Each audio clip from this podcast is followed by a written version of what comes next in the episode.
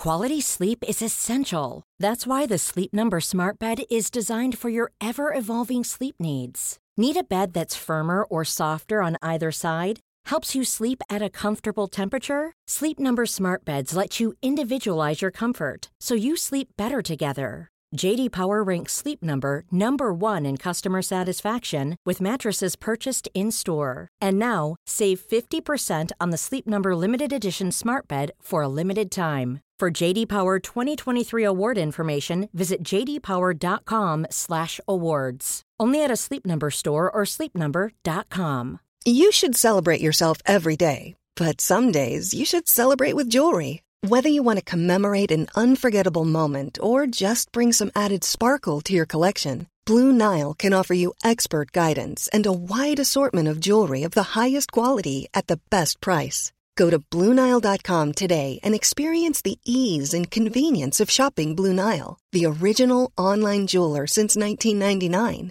That's BlueNile.com. BlueNile.com. Velkommen til aksjepraten her i Finansavisen. Med meg har jeg aksjeekspert Karl Johan Molnes. Og Karl Johan, i går falt jo oljeprisen kraftig. Hva var det som egentlig skjedde?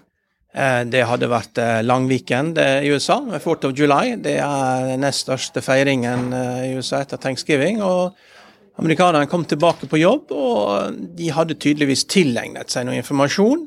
Fordi prisen begynte å falle med en gang de kom på jobb. Og det er veldig sensitivt med olje. Det er I nedgangskonjunkturer så tar det mellom 2 og 10% etterspørselsfall for å trigge ganske store oljeprisfall.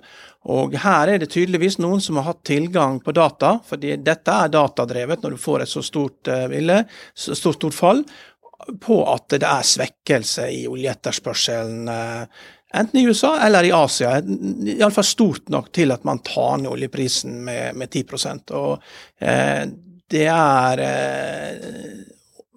i USA så er man vant til at det er billig å kjøre. Det har vært helt ned i én dollar per gallon for å, for å, kjøre bil. og det er klart Når man er vant til at det er billig, så reagerer man mye mer på prisstigninger enn det vi gjør, hvor at eh, vi er vant til at det er dyrt, og at vi har tilpasset noe av kjøringen vår. Også maskeres det ofte ved eh, valutaendringer, så vi er litt mer forvirra. Det, det slår ikke så direkte inn Eh, her hos oss som det gjør i USA. Så jeg tror vi kan forvente mer av dette her når trenden er gitt, at vi må være forberedt på at oljeprisen kan falle vesentlig mer i løpet av de neste månedene.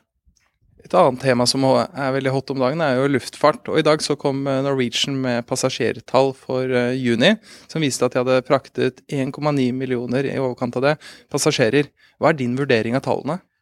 Tallene er jo vesentlig mye høyere enn i fjor på samme tid. Det er jo åtte ganger så mye passasjerer. I fjor så fløy man mye på eh, kontraktsfart, og det er veldig vanskelig å sammenligne tallene. Men eh, det, ser, det, ser, ok ut. Og, og, men det viktigste for Norwegian er jo den muligheten som nå oppstår ved at SAS eh, ser ut til å har problemer om å framstå i en mye mindre, mye mindre, størrelse. Så både Norwegian, Flyr og Norse og alle de andre flyselskapene har nå en gigantisk mulighet til å ta markedsandeler fra SAS.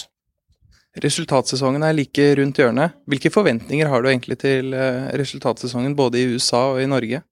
Jeg tror det at eh, nå i andre kvartal og i tredje kvartal så kommer vi til å få noen av de mest crazy tallene vi noen gang har sett på same store sales, fordi at vi har hatt eh, Eh, I pandemien så har byggvareselskaper som Home Depot og Loves de sier at de har solgt eh, byggevarer for seks år i løpet av 18 måneder. Altså det er en firedobling av salget. Vi har allerede fått en slags warning ved Bad Bath Beyond, som har kommet og sagt at same store sales var ned med 27 Noen sier da at uh, det er ingen som kommer tilbake igjen etter at man har hatt et så stort fall. Men det er for tidlig å si, for det, det, er, det er, ekstraordinære situasjoner.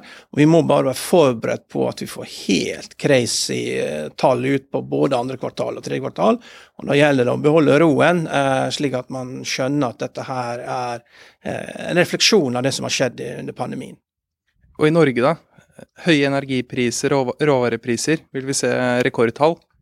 Det, er vanskelig å si i Norge. Vi, vi, vi blir jo passa på, ikke sant. Det er jo Strømpriser blir jo subsidiert, og vi Det slår liksom ikke så hardt inn, da. Og vi, vi finner liksom en måte å komme gjennom dette på. Det er et sånt puttesamfunn som gjør at vi kommer gjennom når vi får en trøkk. og, og det vil nok bli lavere salg på en del aktiviteter. Svenskehandelen er jo i gang igjen. og det er jo bare en tur over grensa før man finner ut at det, her, her er jo ting som er til halv pris, og det er jo fristende å kjøpe det. Så jeg tror nok det får også den effekten på en del, eh, på en del salg i Norge. Men utover det så eh, det er vanskelig å si, rett og slett. Mye, mye avhengig av råvarer, som gjør det veldig bra. Så eh, overall så er det klart at det blir uh, veldig gode tall for selskap som Equinor og andre oljeselskap, det sier seg sjøl. Men uh, det er ikke så viktig, faktisk, det som skjer i Norge. Det, er, det viktige er det som skjer i USA, og også i Europa, da, med, med innstramminger pga. høye energipriser. Så jeg tror man skal følge ekstra nøye med i Tyskland, for det er uvant fordi at de har så høye energipriser. Tror du mange selskaper kommer til å bruke andrekvartalspresentasjonen til å skru ned investorenes eh, forventninger?